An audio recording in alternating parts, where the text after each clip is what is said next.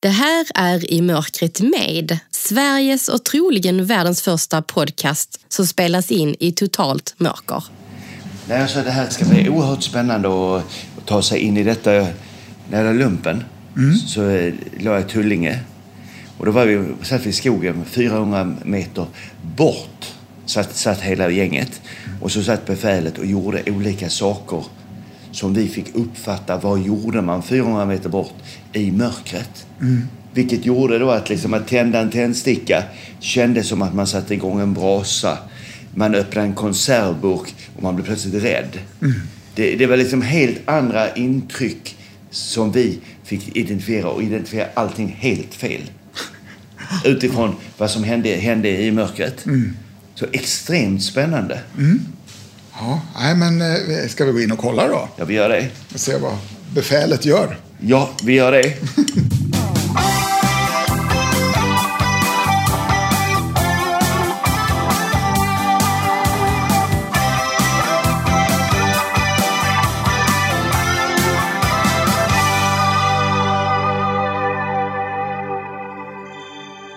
I det här avsnittet är vi åter tillbaks på den mörklagda restaurangen Svartklubben i Stockholm. Och vi tar emot en gäst som var trendspanare långt innan någon visste vad det var och är idag en av Sveriges mest kända trendanalytiker.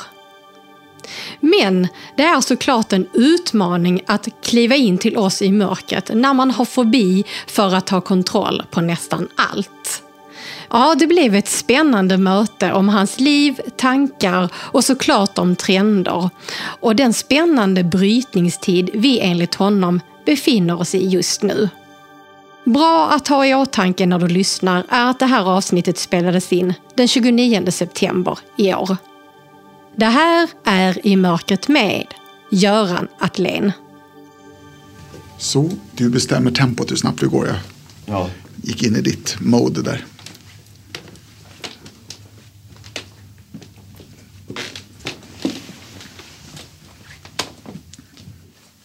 Kan det vara någon, någon som sitter i närheten av oss nu. Hej Göran, Hej. sitter jag. Ja. Hej. tycker jag. Och nu ska jag se, då tar jag din hand ner mot ryggstödet. Jag precis lite till. Och där har du ryggstödet. Där har rygg- ryggstolen. Och där har stolen, ja. Jaha, så jag tycker, Ja, gör, gör någon bra kombination av det. Hur känns det Göran? Läskigt. Ja, Men vi börjar så här tycker jag. Och så, ja, vi ses längre fram Björn. Ja, men härligt. Härligt. ja. Jag tänker aldrig på att du är skånsk också. Nej, Jag är, men eh, det är vi ju. ja, Det det, känns väl tryggt? det, känns, det är väl egentligen det enda som känns tryggt just nu. Men jag får berätta, för du, vi har ju haft eh, med, skickat meddelanden fram och tillbaks och till slut fick vi ju till det. Och Ja. du har skrivit vid ett par tillfällen att ah, det ska bli spännande men läskigt. Ja, det är väl att ge sig in i en värld där man inte har kontroll. Och det jag gillar, trots att jag ger mig då in på, på liksom den här eh, biten man säger med, med föreläsandet och liknande. Man utsätter sig för enormt mycket egentligen risker. Så har jag alltid försökt liksom ha både livremmar och byxhängslen och allting på mig och vara extremt noggrann med förberedelser. Jag har alltid gått in med förutsättningen att, att jag kommer misslyckas. Jaha. Och därför har jag förberett mig så minutiöst med allting. Med tekniken, lärt mig mycket tekniken själv. Blivit extremt nördig. Nästan lite fobi över, över eh, att ha kontroll på allting. Det kan man ju inte alltid ha ändå. Man kan inte det. Nej. Man kan inte detta. Men det är som jag säger, om man har gjort precis allting som står i ens makt, då, då kan man liksom inte då, då, då, då kan man inte skylla på sig själv. Jag accepterar just på föreläsningar att folk säger att jag är korkad. Men jag accepterar inte att jag är oengagerad. Men eh, inför det här då, har du förberett dig någonting inför det här? Att komma in i mörkret? Nej, Nej. det, det går liksom inte heller. Sen är jag en sån där så jag, jag, jag har inte behov av mörker. Min sambo hon, hon vill ha så mörkt vi kan i sovrummet alltid. Jag kan somna liksom med, med fönstret öppet och gardiner uppe. Jag behöver inte mörkret. Men hur känns det nu då? men det känns bra. Har du varit några minuter här inne? Ja, nej, men jag känner mig trygg att du sitter här. Det, Och du har Ulf också här som finns här i krokarna. Ja. Så, och vi, det här är ju vår vardag som sagt. det, exakt. Och den är jag extremt nyfiken också på. Din vardag. Med de typ av intryck, vad de mervärdena är som, eh, som du har fått genom just att du inte ser. På tal om intryck då. Jag hör att du har någonting på dig som plingar lite. Okej. Vad kan det vara? Kan det... Har du något armband? Är det någon eh, kedja på någonting? Nej, det är nog mina armband. Du har armband, ja. Ja. Det är det som låter. Vad är det för armband? Du, det är, nej, men jag har alltid haft armband. Jag, det är jätteroligt. Jag började väldigt tidigt med ett smycke. Och Rinnelsen till det var... Jag gjorde min första trendrapport 2002. Och eh, då sa rektorn till mig, du måste skaffa lite mer, eh, du måste skaffa lite mer attribut. Skaffa lite konstiga ringar och armband och lite sådana saker. Och då var det förknippat otroligt mycket med homosexualitet. Vilket gjorde att det blev jävligt spännande när jag sen berättade mina barn. Och då fick plötsligt inte publiken riktigt koll på vem var jag egentligen. Så det, så det var så det började och sen, sen har det fortsatt. Barn kan man ju ha ändå även om man är homosexuell. Ja, men, ja, men, det, men, nu- men nu pratar vi 2002. Det har hänt rätt mycket. Ja. Men det Nu- vet ju du, tänker jag, som har eh, trendrapporterat under alla de här åren. Mm. Exakt. Och jag har liksom alltid försökt gå min egen väg. Men du måste ha gillat de där armbanden ändå. Eh, Fastän det var någon som tyckte att du skulle ha liksom... Och Ja. varför tyckte man det? Att du skulle ha något mer attribut och så? Bara för spänningen. Det var inte så vanligt att män hade mycket armband och ringar och sånt på den tiden. Ja, men du, eh, eh, du får berätta själv eh, med egna ord vem du är, Göran Attlén. Ja, men det, det viktigaste av allt är, nej, men jag är skåning. Jag, så, viktigt. I, I eh, grund och botten. Ja. Hamnade då på Billvägar, hamnade i Stockholm som 23-åring. Eh, hade tänkt doktorera efter att jag eh, var klar med min civilekonomexamen. Men fick då jobb på Industriförbundet och SAF. Vilket på den tiden var, det var riktigt status. Jag var den yngsta, yngsta anställda någonsin där. Eh, jobbade där ett tag, kom sen in i eh, elektronikbranschen med de här kösystemen för post och bank.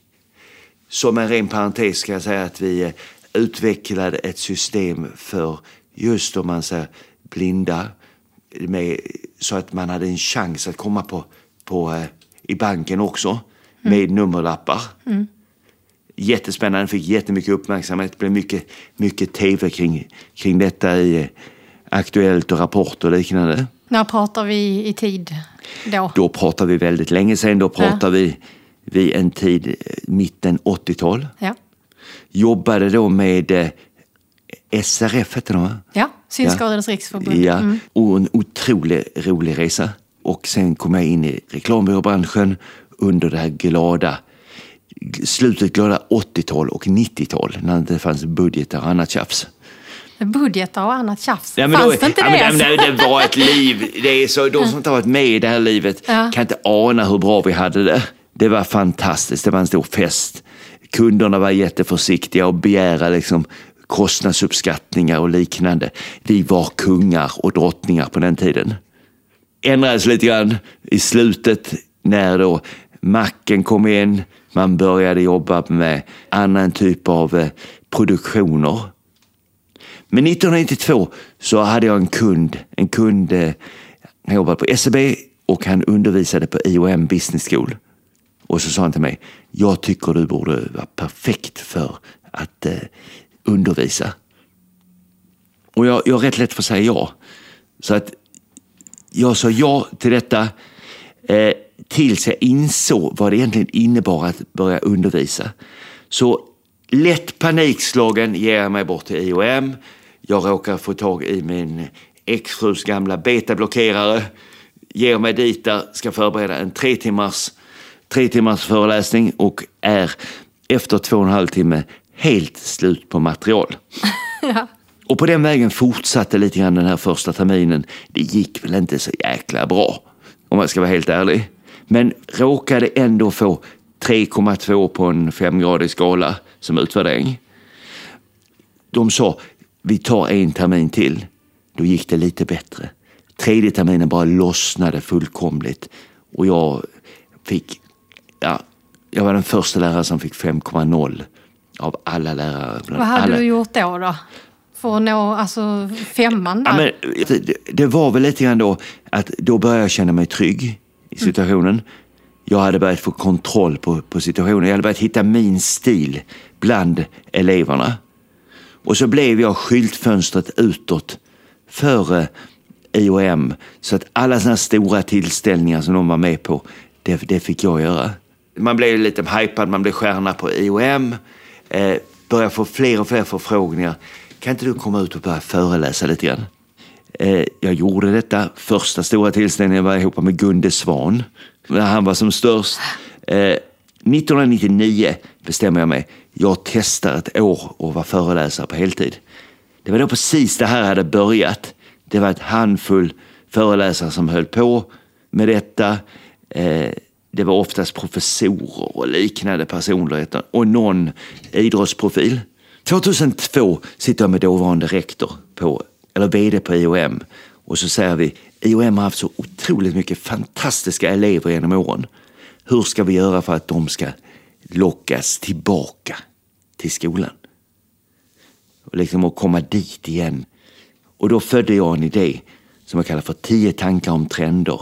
Att man skulle göra en trendspaning brett, hej brett och göra en, en show, någonting extra, extra av detta. Eh, så att eh, vi bjöd in till tio tankar om trender. Jag skrev ett litet, eh, litet häfte kring detta. Vi satte upp diskokula i eh, konferenssalen och det skulle bli lite fest och det skulle bli rock, det var rockmusik och liknande och jag skulle då bli stjärnan. Det kom 700 personer. Icke betalande. Nästa år kom 1300 personer icke betalande. Sen började vi betala betalt lite grann för detta. Då sjönk det till 700 och sen bara växte detta. Och då insåg jag att IOM och jag kanske måste dela på oss lite grann. Eh, jag vill göra ännu större av detta. Så jag hyrde då eh, Rival själv. Och jag hyrde Stadsteatern i Göteborg och Slakthuset i Malmö och fyllde Rival en och en halv gång. Stadsteatern i Göteborg var fullsmockad in till sista plats och i Slakthuset i Malmö var det ungefär lika mycket. Så nästa år tänkte jag, ja men då måste jag satsa större. Så då, då eh, satsade jag på Oscarsteatern. Hyrde den själv. Hur många pass är det där Ah, inne? det var, dagen kom 1300 pers och vi fick köra en extra föreställning också. Och då var det trendspaningar? Trendspaningar som då drog så otroligt mycket folk. Jag gjorde böcker kring detta. Jag kunde ta bra betalt. Det var galna priser jämfört med idag som man kunde ta, ta på den tiden. Och det blev, jag var ensam på att göra någon sån grej. Jag hade med artister insprängda i, i föreläsningen. Jag hade någon eh, afrikansk dansgrupp när jag pratade Afrika urkraft som var helt galet. Jag hade doftsatt hela föreläsningen då, då det jag trodde skulle bli väldigt stort, att man skulle använda dofter. Så jag fick in dofter i hela systemet så att när jag kom in där så var det då läder och du vet den känslan. Oj då. Ja. Pratade Afrika, då var det kanel. Kanske en av de häftigaste grejerna var att jag hade en kille som ljudsatte hela föreläsningen. Så han satt med eh, två syntar och bara ljudsatte hela min föreläsning. Så när jag tog en paus, då klinkade han på lite grann. När jag eh, gick bort och drack vatten spelade han. När jag byggde upp dramatiken så, byggde han upp stämning. Efter, när jag varit på Oscarsteatern så kände jag en sån här extrem tumhet. Varför det då? Showen var över. Jag kände att det var en underhållning. Man hade kommit dit, skrattat i ett par timmar. Eh, och tyckte det var jätteroligt men ingenting hände. Så att då hörde jag av mig till Högberg gård på Lidingö och sa, jag har en idé. Jag vill köra i 24, eller köra en hel dag. Samla 70-80 personer, samla en hel dag och sen gör vi stor fest på kvällen med artister. Så att man fick prata lite mer, gå lite mer på djupet kring, kring detta. Och det har vi fortsatt med. Så det är det som är din nuvarande årliga trendrapport så att säga? Ja, men det är Gör det. Mm. Sen ska jag säga att det är ett helvete idag. För att när jag började så kan jag säga, då läste jag tidningar som andra inte läste. Jag läste böcker som andra inte läste. Och jag hittade forskningsrapporter som andra inte läste. Vilket gjorde att jag satte samman en mix som var ganska unik. Idag så bara, det bara vimlar av information. Det bara vimlar av information. Du kan få hur mycket information som precis som allting. Så det är inte lika lätt att vara unik idag då? Nej, det är inte det. Och Mm. jag, jag måste nästan göra det här i realtid. Och jag måste ha enorm koll på vad jag säger. Ja. För det är alltid någon som kan mer än vad jag kan om vårt ämne. Ja, jag, jag tänker att vi ska prata lite mer om det här med trender och så. Men jag tänker innan vi gör det. Eh, vi ska få in lite dricka och något ätbart också här. Ja, spännande. Så- spännande. Det, här, Så- det här är otroligt spännande, Anna. Vi Ja, men det är härligt Ja. att du tycker det. Och jag tänker så här... Eh, du skrev ju till mig innan då att du tyckte det var läskigt och, och det här berätt, du berättar nu med att du vill ha kontroll. Men ändå så kommer du hit och tackar ja. Varför men- gjorde du det då? Nyfikenheten. ja. Det tog över eller? Nyfikenheten tog över och många gånger ska jag säga att, att det är väl det som har gjort saker och ting där jag har varit på väg att dra mig ur. Ja. Men jag har inte dragit mig ur. Nej. Utan jag är för nyfiken på detta. Och just den här biten, den värld du lever i. Vad är det som är, du är nyfiken på i min värld då? Nyfikenheten är någonstans kring allt. Det har varit ett av mina man säger, käpphästar att vi drar inte nytta av andras kompetenser. Utan vi är så fruktansvärt fast i gamla stereotypa indelningar. Jag hatar fullkomligt de här när man delar upp folk i färger. Det är rött och blått och grönt och gult. Som är stereotyper som förstärker bi- bilderna. Jag vill istället att se på de alternativa intelligenserna. Va, va, varför hatar du det då? Det är ju många som tycker att det är väl Det är praktiskt. skitbra. liksom. Jag är en Ja, gul det är person, då passar jag ihop ja, med den det där. är jättekul och så kan vi inte jobba. Jag, jag har liksom inte en aning om vem du är nu. Nu sitter vi bara och hör den ädla skånskan. Juda, vi känner varandra lite grann. Jag har inga förutfattade meningar kring detta. Och det är det jag menar, liksom att de som har de alternativa intelligenserna sitter med någonting som andra människor inte har. Det kan vara att man är blind, det kan vara att man är autistisk, det kan vara att man har Asperger, att man är, eh, har ADHD, ADD, bipolär etc. Men man har en alternativ intelligens som blir bortsållade allt för ofta.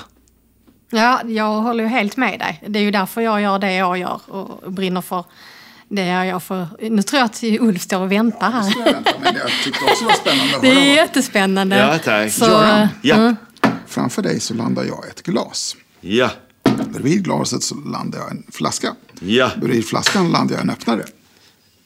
ja. Det kanske är en bra början. Ja, Vad ja. göra av det? Vi testar. Och jag känner, jag känner i alla fall flaskan. Det är väldigt mörkt. ja, det får vi hoppas. Ja. Vi är ju på Svartklubben. Hur häller du upp där nu då, Göran? Har du någon teknik? Nej, jag kände i mitten av glaset. Har du stoppat ner fingret eller? Jag stoppar ner fingret ja, i. Ja, det är ju bra. Då, bredvid din, eh, ditt glas, Ja, så landade det just nu en skål också. Som du får undersöka. den har du gömt fint. Nej, där var den. Ja. Jag ställde den i mörkret. Och där hade vi lite bananchips. Ja, det tog du snabbt. Ja. Där, där är en sak till. Jag var lite så här, hmm, vad ska jag bjuda Göran på? Jag vet ju att du tränar och så och jag vet ju egentligen att bananchips kanske egentligen inte är det nyttigaste. Men, Nej. men, eh, men det fick ändå bli det. Mm. Hittade du det andra? Ja. Den var väldigt god. Lite ch- choklad med lite... Men det är så här lite crun- crunchy, det är lite... Lite kokos i. Japp. Det tog du fort. Ja, väldigt gott. Det är ju någon sån här yoghurt, fast det är ju Ja, egentligen det- inte yoghurt. Nej, nej, jag läste precis om det där, att det där är ju, och att det överhuvudtaget kallas för naturgodis. Det kan ju vara lite omdiskuterat med Ja. vad som hamnar i den hyllan. Och allt detta som jag får utsätta sig för nu. Eller också en sån här... Det är lite kombination, för det är lite njutning också. Ja, på vilket sätt? Njutningen är väl att, att få uppleva en ny dimension i livet.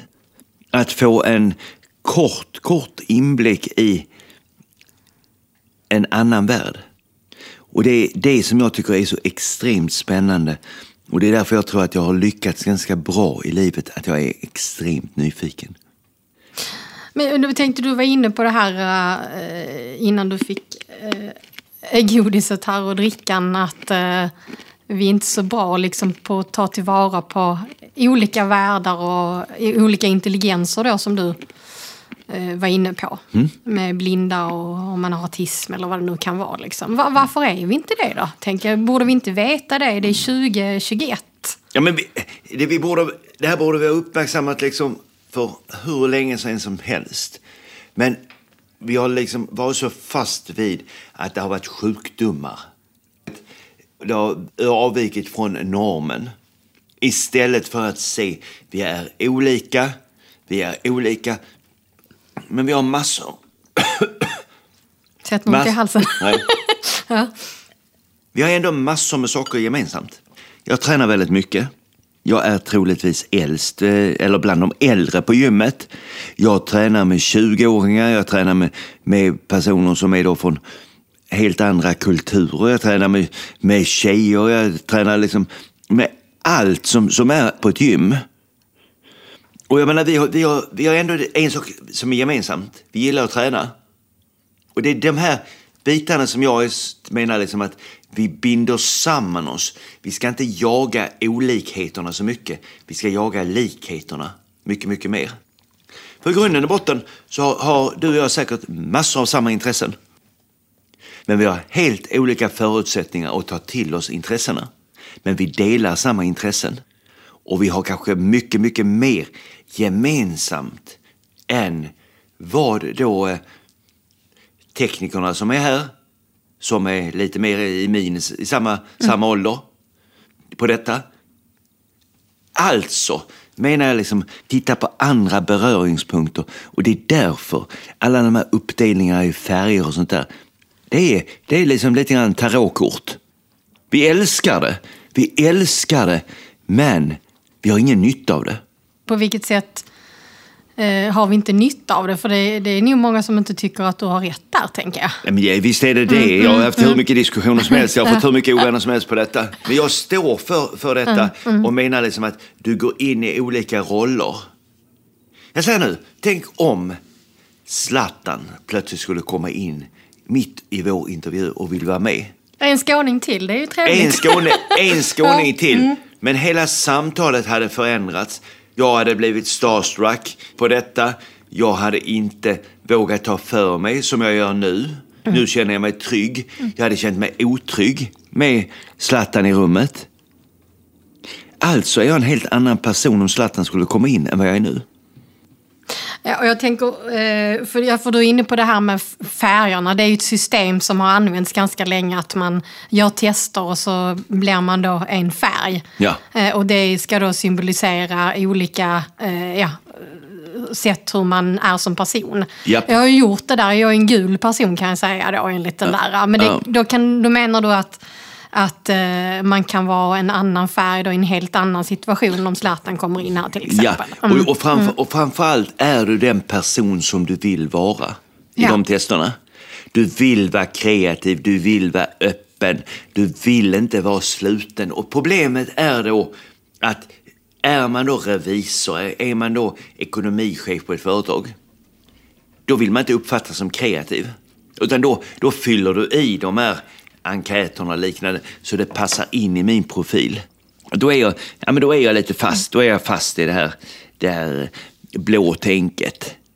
För det är väl blå man är om man är... Ja, man är väl blå men man är lite mer systematisk med siffror och Ja, men- statistik och vetenskap. Men jag uppfattar mig själv som en social enstöring. Vad är det då? Ja, men jag, jag har inga problem att stå och prata inför folk. Men jag hatar att mingla. Jag är precis likadan. Ja.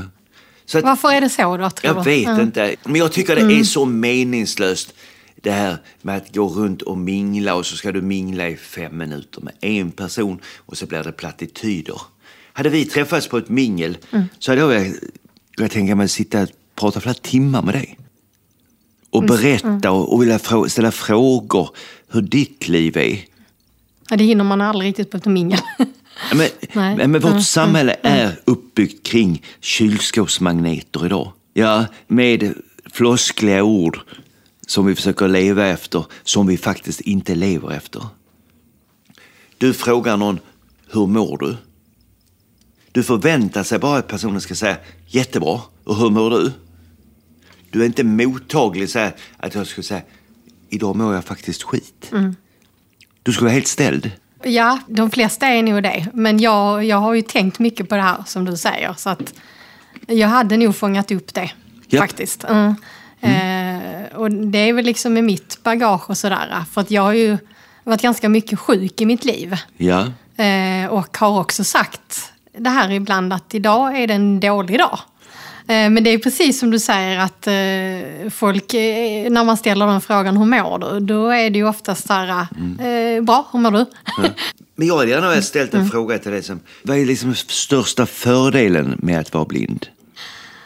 Alltså, jag brukar ju säga att den största fördelen är ju att jag inte vid första intryck vid människor bedömer utifrån ytan längre. Nej. Det tycker jag är en väldigt skönt idag. För att det, det spelar ingen roll hur gärna man vill vara en god människa och inte bedöma utifrån ytan. Ja. Så har jag gjort det ändå när jag Ja. kunde se. Ja. Vad säger du Ulf? Det jag egentligen vill säga är att eh, om det här eh, själva gåvan av att eh, som den här olikheten ger får vi först när vi börjar tycka om vår olikhet. Eh, jag kan, egentligen brukar jag hålla fram två olika saker när jag, när jag pratar om det. Sådär. Det, det ena är ju att jag hade ju aldrig blivit krögare om jag hade varit seende. Nej. Nu blev jag det och eh, hade jag ändå blivit krögare när jag var seende så hade det inte hänt på en svartklubb på Södermalm. Det är en sak som är 100% säker. och eh, sen är det det här att eh, genom att jag då skrivit en massa sånger så, så har jag hamnat på en väldig massa fantastiska spelningar. Och sångerna utgår ju från ja, men, att inte se på något sätt och, och saker kring, kring det. Så, så det har liksom tagit mig runt världen på olika sätt att jag är blind. Och, och det är ju rena gåvor utifrån min blindhet. Jag tycker också att det är väldigt skönt att, att lyssna på vad folk säger. Och det var ju det du var inne på, Ja. inte hur de ser ut. Nej, det är, det är skönt i det. Och sen är det också... Det är ju, har ju varit en process det där. För vi har förlorat synen båda två. Ja. Eh, Så att vi har ju varit seende innan.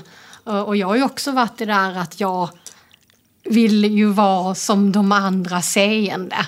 Eh, tills jag idag då, är jag är så otroligt stolt över den jag är. Eh, och känner att jag har så mycket erfarenhet och som du var inne på, intelligens, alltså tack vare att jag har gått igenom det jag har gjort. Alltså vi behöver olikheter i världen. Ja. Det berikar bara. Ja. Eh, och sen är det ju en frustration att det fortfarande är så att man inte riktigt tar tillvara på det. Nej. På arbetsplatser eller i samhället och sådär. Man förstår inte eh, styrkan i, i det Nej. alla gånger. Nej. Än. Men sen, men sen kan eh, fåfängan kan också vara en drivkraft. Jag har alltid tränat väldigt mycket. Ja. Senaste året har jag tränat extremt mycket. Och, liksom, och då, där ska jag säga, fåfängan har varit otroligt viktig för mig där. Hur, hur då då? Att du vill se snygg ut? Att vi- jag eller? vill se snygg ut. Jag, menar, jag tycker det är bullshit att säga att ja, men jag tränar bara för att må bra. Det gör man inte på ett gym där man har speglar runt om sig. Okej. Utan då är, det, då är det mycket för att man vill se, man vill se snygg ut själv. Och när man vaknar upp på morgonen och i det här fallet då kan se sig i spe- i spegeln och man ser, man ser jag, jag är vältränad. Så ger det mig en, en styrka, det ger mig en power. Att jag sen mår bra på köpet. Det blir liksom en bonus. Och, och det, här, är- det här, så här får man inte säga. Nej. Det här är inte, Nej, poli- det är det här är lite- inte, poli- ja, ja. det här är inte politiskt korrekt. Men här i mörkret tänkte jag säga allt. Ja, det är bra. Nej, men det, det, det där- är ju väldigt kontroversiellt. Alltså det är som när jag växte upp så satt jag eh, till och från en rullstol. För jag har ju barnreumatism och det från början då. Och Ja. det är det som gjorde att jag blev blind när jag var 24 år. Eh, och jag tillhör ju de som inte blev mobbad i skolan. Och det, har ju, det är ju många som har pratat om det, liksom, som är ute och föreläser om hur tuff barndom de hade för att de var mobbade i skolan för att de kanske satt i rullstol och sådär. Eh, och jag, vi har ju diskuterat det mycket, min mamma och jag framförallt. Eh, varför inte jag blev mobbad när många andra blev det. Och vi är ganska övertygade om att eh, det handlar väldigt mycket såklart om min personlighet. Jag har alltid varit väldigt glad och positiv. Eh, men sen också det här ytliga faktiskt. Att jag var alltid välklädd. Hade alltid de senaste eh, kläderna. Eh, min mamma var välklädd när hon lämnade mig i, i rullstolen på Ja. skolan. Eh, och, eh, och det där är ju hemskt och, och att det ska vara så. Men jag är ganska övertygad om att det har varit en bidragande del till att jag inte blev mobbad. För att jag, jag var liksom inne på något vis. Fast jag satt i min rullstol. Så det blir nästan så här eh, lite coolt över det. För annars har det ju varit så mycket att ja, det ska vara bekvämt när man sitter i rullstol. Så då sätter man sig ett par mysbyxor. Japp. Och vad händer då med bemötandet runt omkring? Men- ja, men- nej, det är, men- det är känsliga jag- frågor. Men, men, jag, men jag tror det är en annan, jag tror faktiskt en annan grej också. Jag, nu kommer jag inte på citatet bara för det. Men Eleanor Roosevelt sa någonting på temat att du måste tillåta dig själv att bli kränkt. Alltså, du tillät dig inte att bli kränkt eller mobbad. Din mentala inställning tillät dig inte bli det. Utan du, du satt ändå med, med din stolthet i rullstolen. Ja, Jag kände mig fin. Du satt, kände dig fin och du blev kanske den, den glada tjejen i rullstol. Ja, men du, du, du, fick, du fick en, eh, en egen identitet. Jag, jag körde en, eh, en utbildning för frisörer. Och då, det var på den tiden jag skrev en bok om personliga varumärket. Och då bad jag dem att på två minuter skriva ner vad är deras personliga varumärke. Och alla hade jätteproblem. Utom en kille, Assis. Han skrev ner för fullt. Och när jag såg det så sa jag till Assis, men eh, Assis, du hade väldigt enkelt för att skriva ner detta. Ja, men så, titta på mig. Jag är den enda färgade i hela den här branschen. Det har varit min största framgång i branschen. Alla vet vem Aziz är. Svänga på allting. Ja. Se det som fördelar. Nej, men jag menar det, alltså jag har ju också försökt att göra det. Sen betyder det ju inte att det finns en sorg. Jag saknar ju att kunna se. Ja. Eh, och det är ju, jag menar, I morse så stod jag och väntade 40 minuter på färdtjänsten. Det är ganska jobbigt. Men det handlar ju mer om hur samhället ser ut. Att eh, vi inte bygger samhället utifrån att vi är olika också och har olika behov. Liksom. Många gånger är det ju det. Men det vet jag att du och jag pratade på Messenger vid något tillfälle.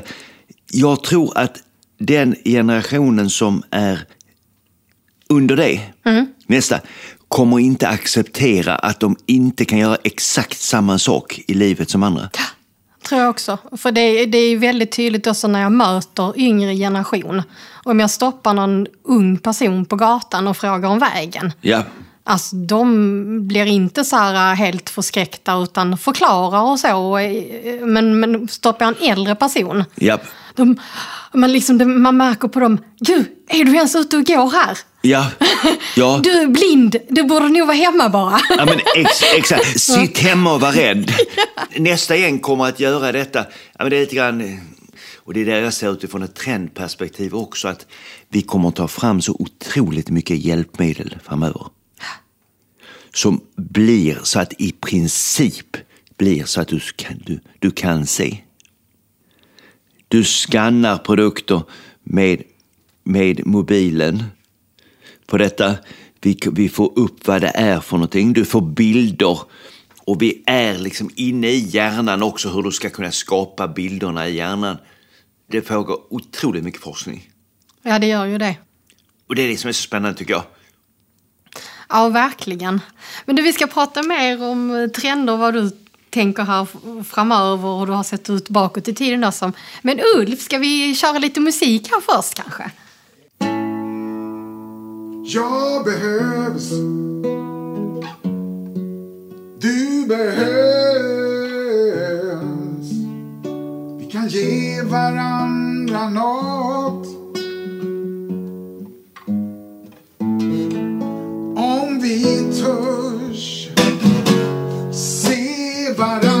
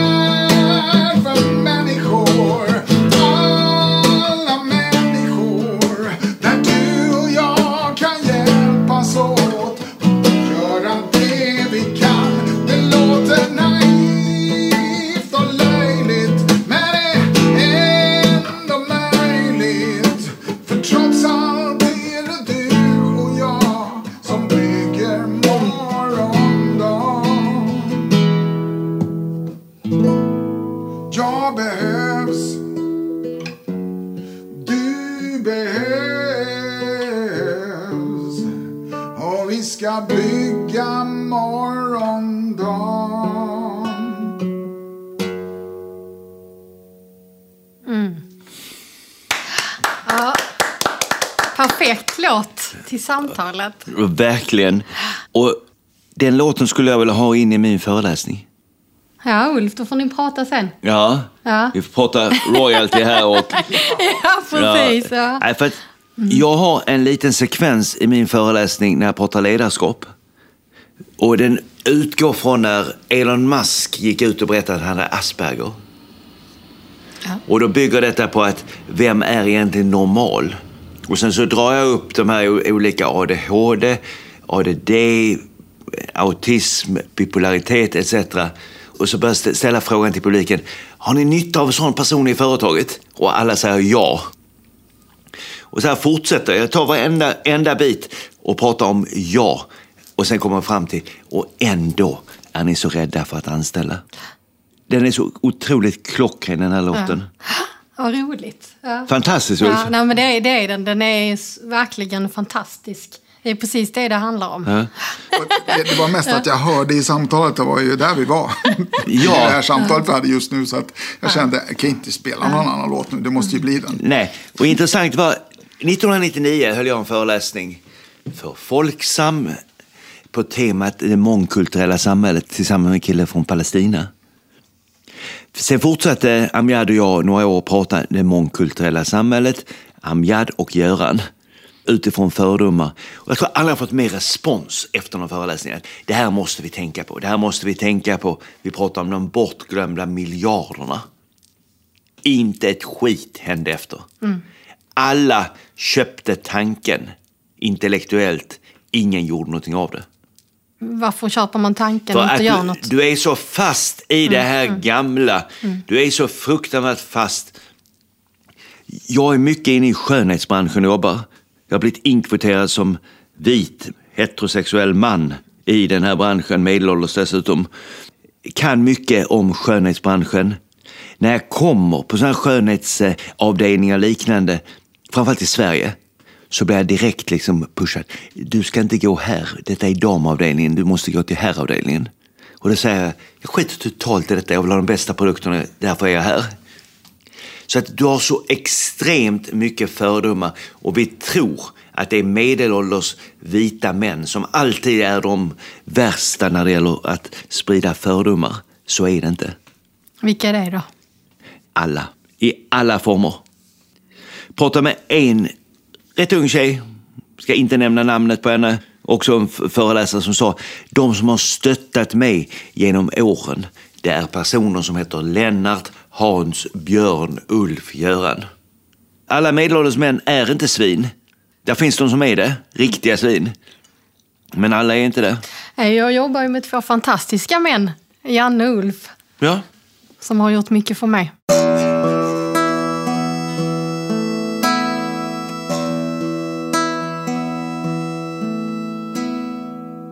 Idag är du ju känd trendspanare, föreläsare, författare.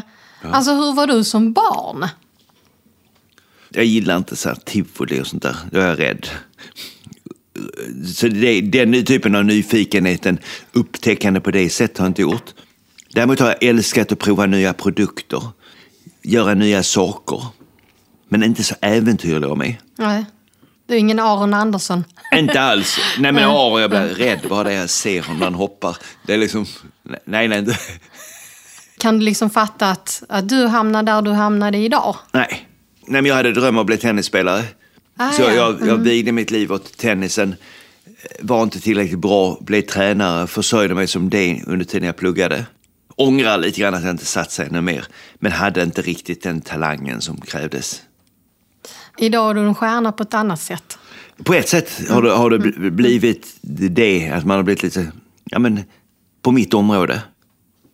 Men om vi tittar på det här med trender då. Eh, alltså vad är egentligen en trendspanare? Ja, det är något jättekonstigt. Mina barn har aldrig förstått det.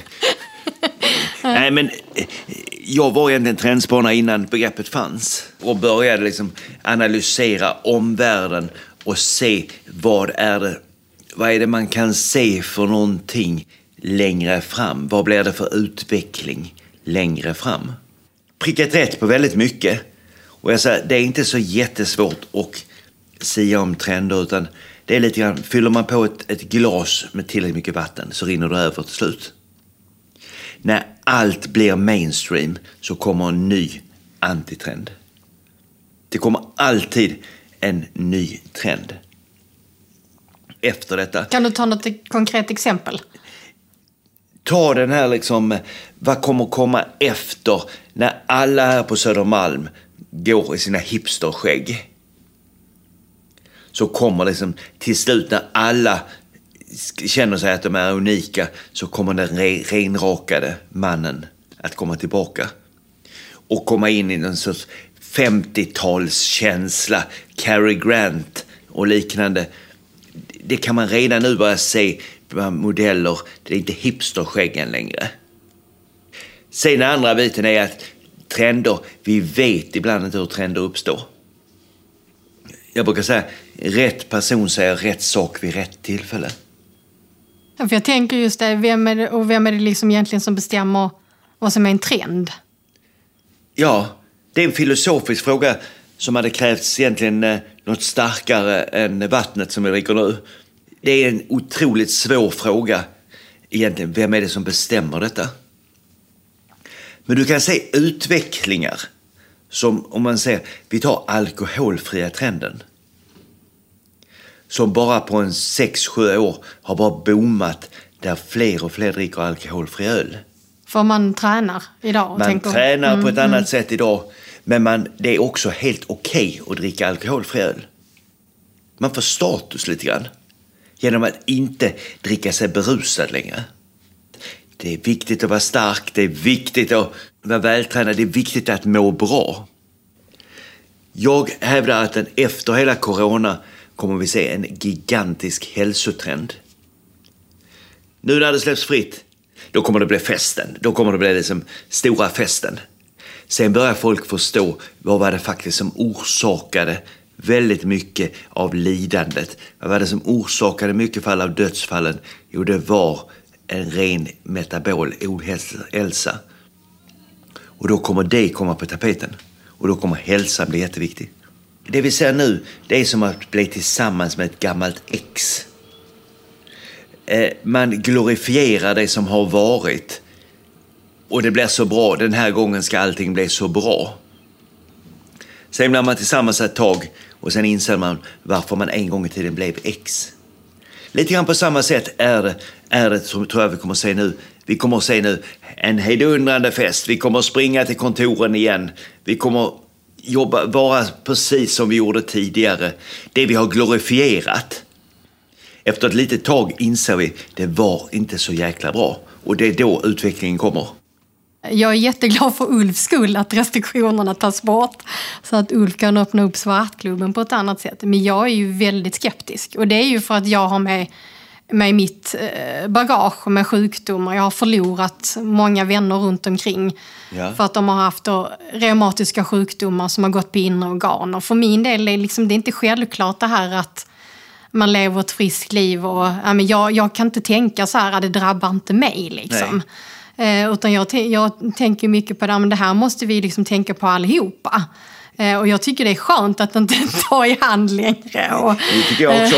Jag tycker det är jätteskönt att slippa kramas. Ja. Jag tycker det är jätteskönt att hålla avstånd. Jag blir irriterad nu när man ser att man släpper på mycket av de här sakerna. Jag tycker vi har visat en fin respekt. Jag uppskattar att på gymmet att man, man desinficerar efter man har tagit i hantlar och skivstänger. Kommer det försvinna nu då tror du? Jag är rädd för det. Ja, ja jag också. Det, det är därför jag är skeptisk. Liksom. Jag, jag, är, jätte, jag är Ja, jätteskeptisk till detta. Och jag är jätteskeptisk till hur folk har agerat, inklusive mig själv. Jag menar, jag har stått på scen med, med feber, dopad av, av Ipren och liknande Tidigare, ja. tidigare. Jag skulle aldrig gjort det. Nej, helt vansinnigt säger jag. Helt, Ja, helt, vansinnigt. För det kan finnas folk där som eh, skulle bli riktigt, riktigt sjuka Japp. på grund av det. Nej, men, och det har ju varit status tidigare. Japp. Det där att eh, Ja. gå till jobbet eh, och vara tapper fast man har feber. Ja, vi biter ihop. Ja. Så gjorde man förr. Man bet ihop. Och det- så här kommer det vara nu. Och det är därför det här kommer att bli en backlash på detta. Och det är där jag menar att om ett halvår, då kommer vi vara tillbaka, kanske inte med restriktioner, men med ett försiktigare förhållningssätt. Jag tror det. Helt övertygad. Och det kommer att bli en status. Sen de andra bitarna som jag säger, som jag har kämpat mycket för. Jag tycker det är så fruktansvärt idiotiskt att vi ska arbeta på en arbetsplats. Det är helt galet att vi ska förflytta oss i flera timmar till en arbetsplats varje dag på många. Sitta i en miljö som gör att vi blir improduktiva. Så vad jag hade sett, det är att arbetsplatsen blir som en arbetspub. Ungefär som Svartklubben här. Vi möts, vi möts, vi träffas. Men vi kan jobba på distans, vi kan jobba på andra sätt, vi kan jobba på andra arbetstider. Det är så fruktansvärt förlegat, det sätt som vi gör idag. Jag då som jobbar med, med inkluderingsfrågor. Eh, jag tänker så här, nu kanske äntligen har arbetsgivarna fattat att det går att arbeta flexibelt så då kanske man vågar anställa fler med olika funktionsnedsättningar. Ja, exakt. Vad tror du om det? Det tror du att jag kan ha rätt där eller är jag för hoppfull? Jag tror att din uppgift är att missionera ännu hårdare, gå ut ännu, ännu hårdare, ta bort ännu mer fördomar kring detta. Gör det tillsammans med andra som har funktionsnedsättningar. Eh, missionera säger jag bara. Alltså, det, Revoltera. Och det, ja, och det tänker ju nog många. Men det har vi ju gjort i 20, 30, 40 år. Inte tillräckligt, inte tillräckligt kraftfullt. Ja, det är spännande. Vad ser du mer då för trender? Vi kommer flytta in mer saker i hemmet höll en föreläsning på, på temat mellanväggarnas paradis. Jag menar, har man barn, sitter man och jobbar hemma själv, man har en som är gamer, så är det inte så jättebra kombo. Man vill kunna träna hemma. Vi ser trenden hur Apple och liknande, att de vill ta hem träningen. De satsar på detta, att du ska kunna träna framför, framför liksom tvn och liknande. Så att hemmet blir viktigare. Nej, men det ser man ju. Jag tänker, jag eh, märkt det att man köper större bostäder igen. Det måste ju vara ett tecken att man tänker att man ska vara mer ut, hemma. Ut på landet. Och sen kommer väldigt, väldigt många leva efter en tanke liksom, we only live once. Vi har överlevt pandemin. Var det det här livet jag ville leva? Jag tror vi kommer att se en förflyttning på många som nu vill förverkliga en ny dröm. Så en tjej som jag känner, hon är ekonom, nu går hon en utbildning till florist. Jag har en kompis som har gått från ett jobb, nu utbildar han sig till trädgårdsmästare. Eller Ja. mästarinna. Ja, allting med naturen. Allting vi kommer upptäcka i naturen. Vi kommer upptäcka att det är inte så jävla hippt att åka till Mallorca längre. Mer andlighet kommer komma in i våra liv.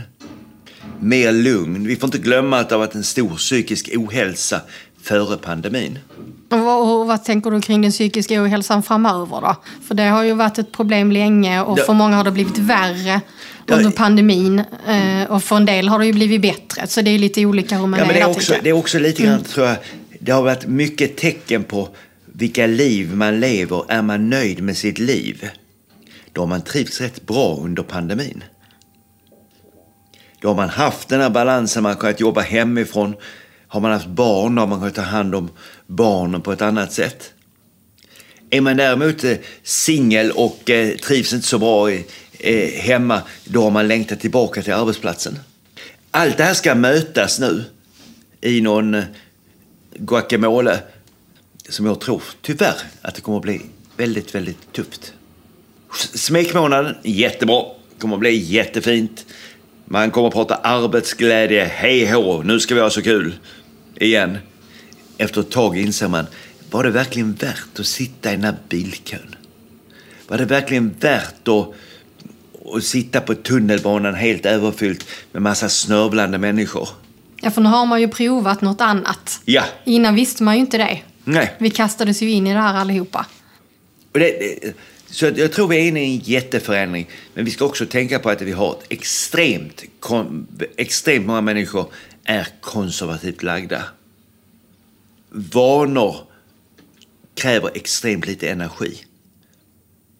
Det är därför tacos fortfarande lever kvar på fredagen.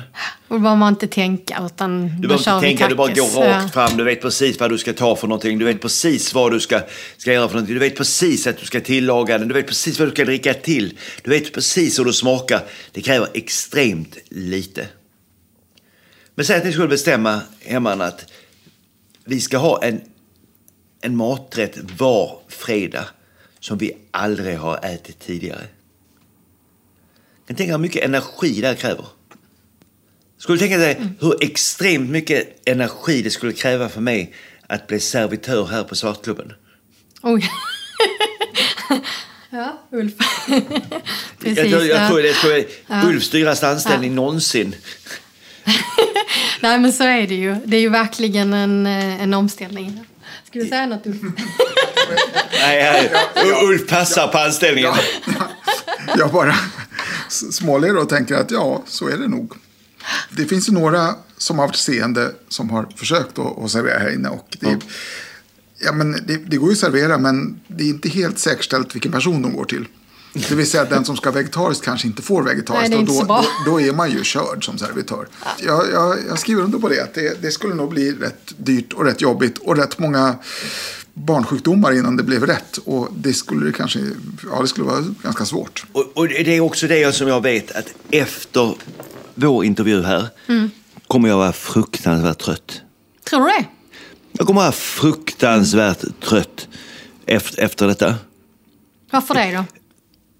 För att jag har fått anstränga saker nu som jag inte är van vid att anstränga. Jag vet när jag började köra med digitala föreläsningar. Jag var så fruktansvärt trött. När jag bara hade det svarta hålet att titta mot. Men har det gått över sen? Det har gått över, för nu har jag övat. Nu har jag övat. Ja. Jag har övat fruktansvärt mycket. Då blir det en vana. Då blir det en vana. Och vanor kräver lite energi. Men vi måste alltid bryta ut en vana. Så i mitt fall, jag älskar öl. Men jag inser också att när jag tränar så mycket så kan jag inte hålla på att dricka öl. Så dricker jag bara alkoholfri öl. Jag har alltså bytt en vana mot en annan vana. Men du kan inte sluta med någonting, du måste ersätta det med någonting. Alkoholfri öl istället. Ja, eh, istället, istället, istället för detta. Och plötsligt blir det, blir det jättegott. Och nu är det ett stort... Nu känner jag mig otroligt stolt när jag åker till Systembolaget och köper alkoholfri öl. Jag känner mig otroligt stark när jag gör det. För jag vet att jag behöver inte det egentligen. Utan jag kan bara njuta av en god öl ändå. Men jag vet ju att det är ju, det är ju många som är oroliga för framtiden. Men du eh, är ju väldigt positiv när det kommer till framtiden. Jag, Eller? Vad- Ja, men, Det är den uppfattning jag har fått. Ja, men det är det, jag- det, det jag brukar alltid säga. Liksom, säg ja till framtiden, våga älska framtiden. Var inte rädda. Du låter inte lika övertygad nu. Ja, jag är övertygad nu på, på detta. Vi har hot såklart. Vi har hot, hot i en osäkerhetstid som vi lever just nu. Men vi måste våga se möjligheter för annars överlever vi inte. Jag tänker det klimathotet och jag tänker själv mycket på det här med vårt välfärdssamhälle. Som Ja. har blivit väldigt tydligt för mig och vänner runt omkring som har funktionsnedsättningar. Med Ja. neddragningar av assistans. Och Ja. Nu såg jag en blind kille som nekades färdtjänst och jag bara, men alltså färdtjänst, vem är det som ska ha det om inte man alltså, får det när man är blind? Och då blir man ju väldigt orolig inför framtiden, känner jag. japp. K- Klimathotet skulle jag vilja svänga väldigt mycket på och, och säga att vi måste uppmuntra mycket, mycket mer till att utnyttja möjligheterna med, med klimathotet.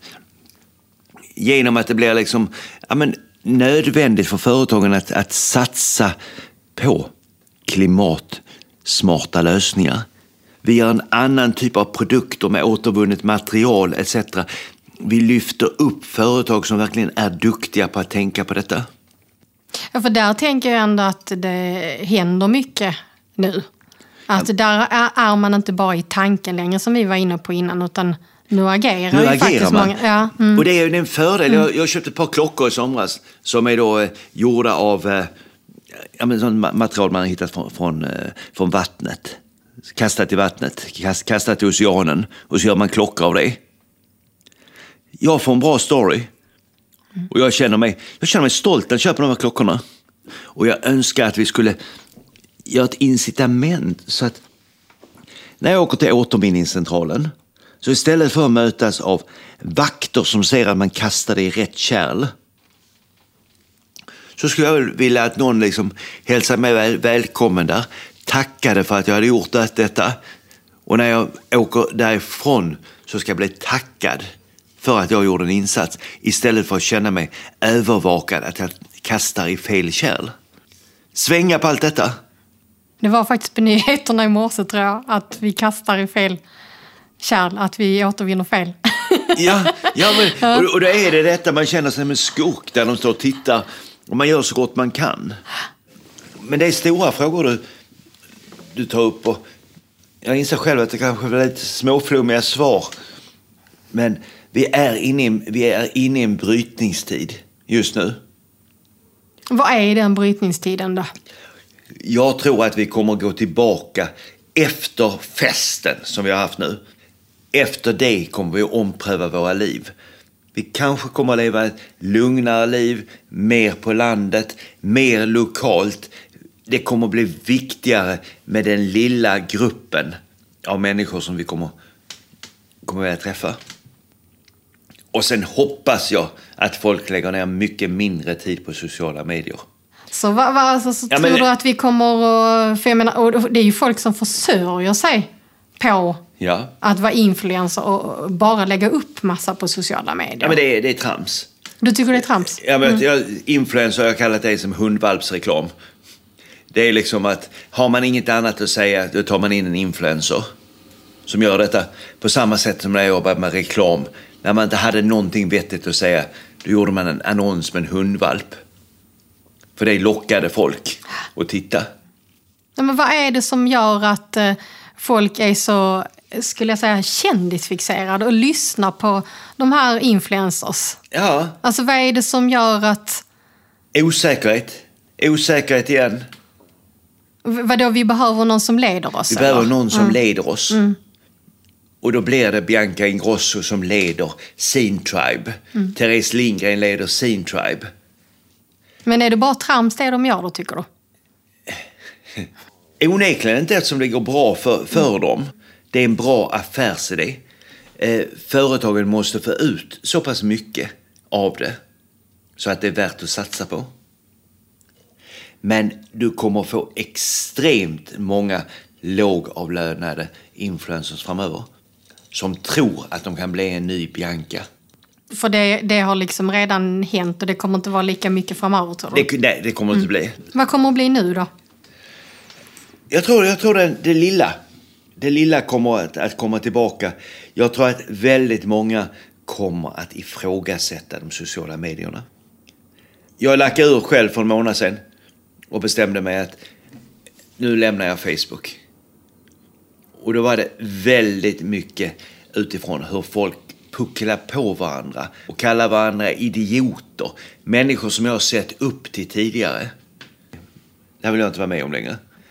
Så jag gick ut på en söndag vid tretiden och bara skrev liksom att eh, vid midnatt idag så plockar jag bort mitt konto på Facebook och Twitter och tackar liksom för all, allt, alla de här åren som... Men nu är det, jag har tröttnat på det här klimatet. Och tänkte att det blir väl någon kommentar, någon som hoppar på mig, någon som idiotförklarar mig. Vid midnatt då hade jag fått 1400 likes på uppdateringen och 700 kommentarer och inte en enda negativ. Va, vad skrev folk då? Precis samma sak. Jag har funderat på exakt samma sak. Ja, och jag såg folk samma dag som jag gick ur Facebook gjorde de det också. Men jag tror att den här falska lyckobilden skapar väldigt mycket av den psykiska ohälsa vi ser idag. För du får hela tiden se att folk har det bättre än vad du har. Om du nu skulle resa ner till Mallorca, då är det plötsligt någon som är i Miami. Och någon som är, som är i Miami ser att någon är på Curacao. Hela tiden bättre och bättre. Du är på bättre fester. Eh, ibland säger jag liksom branschkollegor har sina fester. Jag är inte medbjuden. Då börjar man fundera på varför fick inte jag en inbjudan? Nej men, nej, men så, så är det ju mycket, men jag tänker liksom att eh, kan man inte, handlar det inte bara om att vi borde vara mera ärliga på något vis på sociala medier? Ja, men det är vi inte. Det fanns en studie som visar att personer som lägger upp väldigt mycket sådana här par-selfies över hur lyckliga man är i sitt, sitt äktenskap eller förhållande är mindre lyckliga än de som inte lägger upp bilder. Du skapar en tänkt bild hur du vill ha det. Jag menar, hur många magiska kvällar har man varit med om i sitt liv? Men allting på Facebook är magiskt. ja. Och vi vet folk som då eh, gillar vissa personer, skriver väldigt snällt om det och sen träffar man personen och så säger det dolkstöten mot personen. Jag har aldrig tålt den här personen. Men på Facebook är man låtsasvänner. Den låtsasvärlden tror jag kommer att, kommer att komma ifatt oss. Och det är det som jag tror att vi i stor del mår väldigt dåligt. Ja, men vad, vad, vad blir det istället då? Kommer vi att inte se sociala medier på det? Vi använder det på samma sätt? Jag tror, jag tror att vi kommer att bryta sönder sociala medier så att vi kommer att jobba i mindre, mindre grupperingar framöver. Att det kommer att bli olika sociala nätverk men att vi kommer att eh, bara kanske träffa liksom likasinnade. Sådana som verkligen berikar oss någonting. Men, men då blir jag sådär, ah, då är ju risken också att man bara träffar dem som man eh, och aldrig går utanför liksom, sin egen... Ja, nu tänker jag på det här med inkludering, olikheter igen. Funderar själv lite grann på Mm. hur mycket nya bekantskaper har du fått på sociala medier? Hur mycket har det berikat dig egentligen kontra den tid du har lagt ner på det? Hur mycket jobb har du fått via, via sociala medier? Ja, men jag skulle nog säga att jag har fått ganska mycket med det, framförallt via LinkedIn. Ja. Det är ju helt jobbrelaterat. Och där satsar jag fullt Ja. nu. Och sen eh, nu jobbar jag ju med ett nystartat eh, bolag som heter Unique Power. Ja. Där jobbar vi ju eh, med att försöka sprida en, en nyanserad bild av personer med funktionsnedsättning och visa på hur mycket coola förebilder det finns. Japp. Liksom. Mm. Och där använder vi ju mycket sociala medier eh, och även Facebook då. Men där tror jag att ni har ett jättestort ansvar att förstå er grupp också. Som du är, jag upplever dig som extremt positiv. Jag upplever dig att du ser otroligt mycket möjligheter. Ja. Du, du, har, du har en energibomb som eh, Aron Andersson som hoppar 144 gånger eller vad han gjorde. eh, fall, fallskärm. En annan gäst som du har haft här är liksom Sara Klas. Så, som gör detta. Ni är förebilder. Men väldigt många som ser er kan snarare känna det som jag, jag räcker inte till. Jag orkar inte. Jag orkar inte lika mycket. Jag vågar inte lika mycket som Anna, Aron och Sara Klas. Nej, men det, det tror jag absolut. Jag, jag kan ju känna som Aron då att eh, han hade ju förmodligen, tänker jag, kanske klättrat i berg och gjort allt det där ändå. Eh, nu blir det ju en extra grej då eftersom han eh, sitter i rullstol. Japp. Det jag tycker är viktigt liksom med eh, Unique Power nu då, det är ju att visa på vanliga människor. Ja. Alltså människor som har barn till exempel, eh, familj. Alltså personer som inte gör de här extrema grejerna hela Nej. tiden. Utan att man bara visar på att man är som vem som helst. För det är den bilden som jag har saknat själv och som jag vet att många saknar. Japp. Och kunna också säga att det är ett helvete. Japp. Och våga säga detta och bejaka känslan. Vilket du har gjort lite grann i vårt samtal här också idag. Det är vissa saker som inte du skulle vilja se.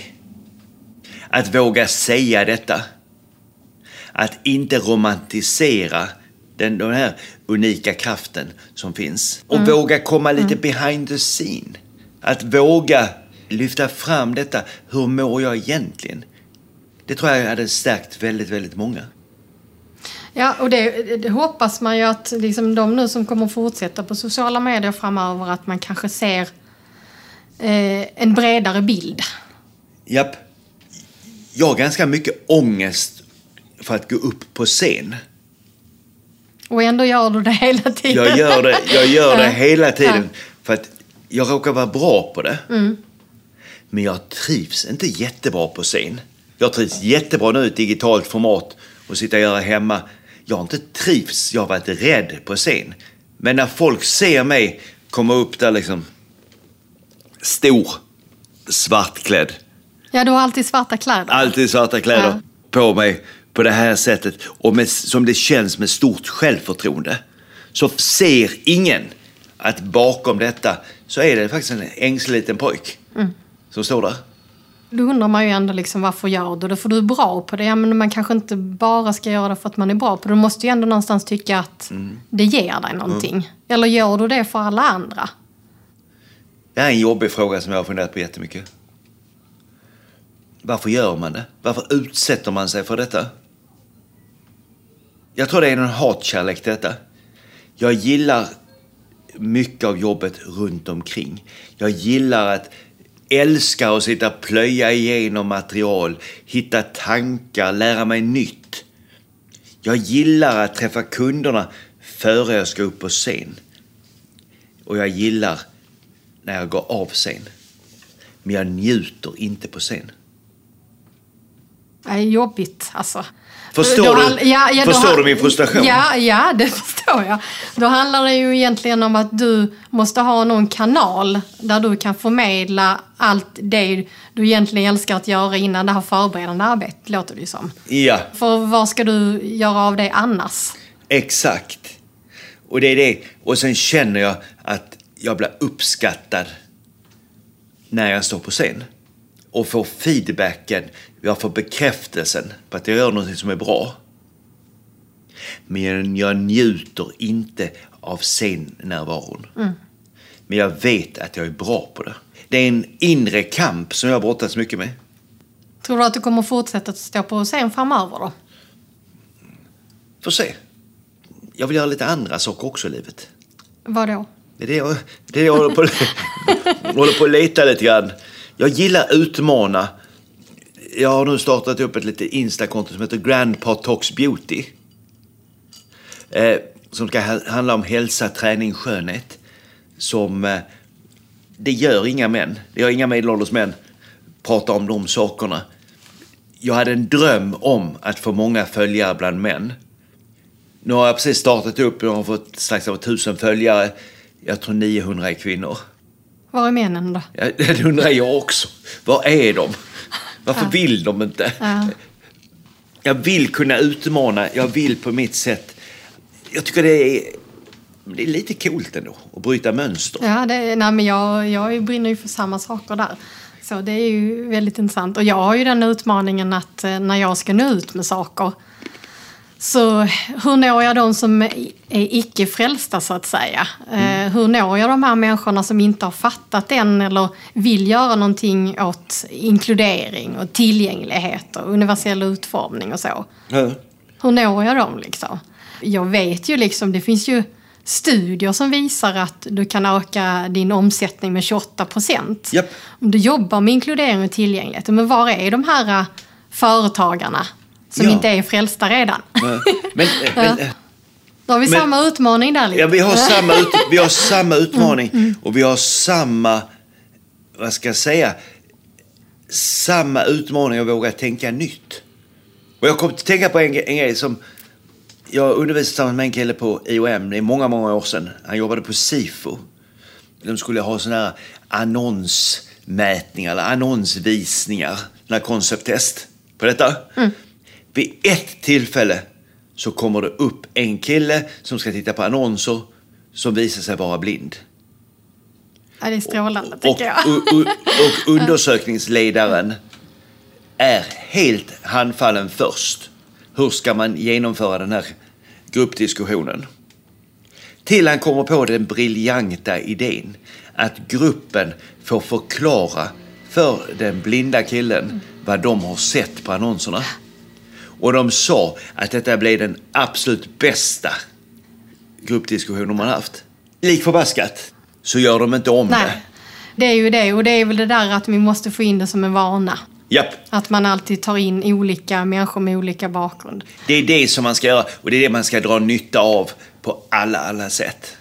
Vad jag tycker liksom att min vision är liksom att alla är precis lika mycket värda. Alla har precis samma förutsättningar. Vi ska sluta dela upp folk i så mycket kategorier. Unga, gamla, män, kvinnor etc. Se individerna. Se människor. Ja, men hur ska du nå männen då? Ja du, jag tror att jag kan nå männen via kvinnorna. Just det. Bra tänkt. Du, vi har suttit här länge nu, Göran. Ja, Så nu ska vi börja avrunda. ja. Hur länge har vi suttit där? Ja, vad tror du? Helt omöjligt. Fantastiskt trevligt samtal. Har vi suttit en timme? Eh, Oh, mycket mer. Har vi det? Ja. En timme och 40 minuter nästan. Wow. Du ska få lite eh, antingen eller-frågor av mig. Ja. Och sen ska du få skriva i vår gästbok. Ja, spännande. Då kör jag. Är du beredd? Japp. Te eller kaffe? Kaffe. Kött eller grönsaker? Kött. Bok eller eh, film? Film. Tankspridd eller fokuserad? Fokuserad. Hemmakväll eller utekväll? Hemmakväll. Nytt eller gammalt? Nytt. Prata eller lyssna? Pass. Varför säger du pass på den? För jag tycker, jag, jag gillar både att lyssna och att prata. Ja, men det får man säga. Ja, Man får säga både och. ja. Ljus eller mörker? ja mörker. Och du som sa här i början, jag gillar inte mörker. Min fru gör, eller din partner. Ja, men det är, mörker är något häftigt också tycker jag, när det skymmer. Det är något häftigt. Jag gillar både man säger, solnedgångar och soluppgångar. Vad tar du med det här ifrån då? Eh, att det, det var inte så farligt som jag... Jag trodde rädslan var lite obefogad på detta. Jag tar med mig att jag tycker det har varit ett otroligt bra samtal. Jag tycker det har gett en helt annan dimension genom att vi inte har sett varandra. Där vi bara har fått lyssna på rösterna. Som jag tycker har varit väldigt häftigt. Jag tycker att Ulfs låt var helt fantastisk. Kom in och skapade en stämning som man fick riktigt så här gåshud av när han spelade detta. Och jag tar väl också med mig att en timme och 40 minuter går väldigt snabbt när man har något intressant att prata om. Tack snälla Göran, alltså det har varit fantastiskt. Jättespännande samtal, verkligen. Nu får du framför dig, nu ska vi se, nu är det ju ett... Jag får nästan gå här. Ja, Ska vi se, här har du boken tackar, tackar. och där har du en penna. Ja. Och, Och så och du, ser du, känner du gamet där? Där. På den sidan kan du skriva så du inte skriver över våra andra gästers nej, hälsningar. det här blir spännande. Ja, och så har du pennan där, den kände du va? Jag känner pennan. Ja. Är det ingen spets? Där, det är en kork, tror jag va? Är det inte det? Så du måste ta av den. Går det bra? Nej. Känner du pennan där? ja, där. där Ja. så. Där var en- i alla fall en autograf på slutet. Det var som var för slutet. Vad skrev du då? Stort tack och ett hjärta. Ja, tack. Nu kommer Ulf och hjälper dig, eh, Göran. Så ska vi ta lite bilder där ute. Ja. På sociala medier. Ja, ja men det var... Tack för att du lyssnat. Och I mörkret med är tillbaks igen om en vecka och då med mig, Anna och Fatmir. Vill du komma i kontakt med oss eller ha frågor så mejla på hej imokretmed.se. Gillar du I mörkret med så gör oss gärna en tjänst och berätta för andra att vi finns så når vi ut till fler. Och du får också gärna betygsätta oss i din podcast-app. Avslutningsvis vill vi tacka vår samarbetspartner Svensk skrivtolkning som gör det möjligt för fler att ta del av I mörkret med genom att texta våra avsnitt. Och textade avsnitt hittar du på vår hemsida imokretmed.se.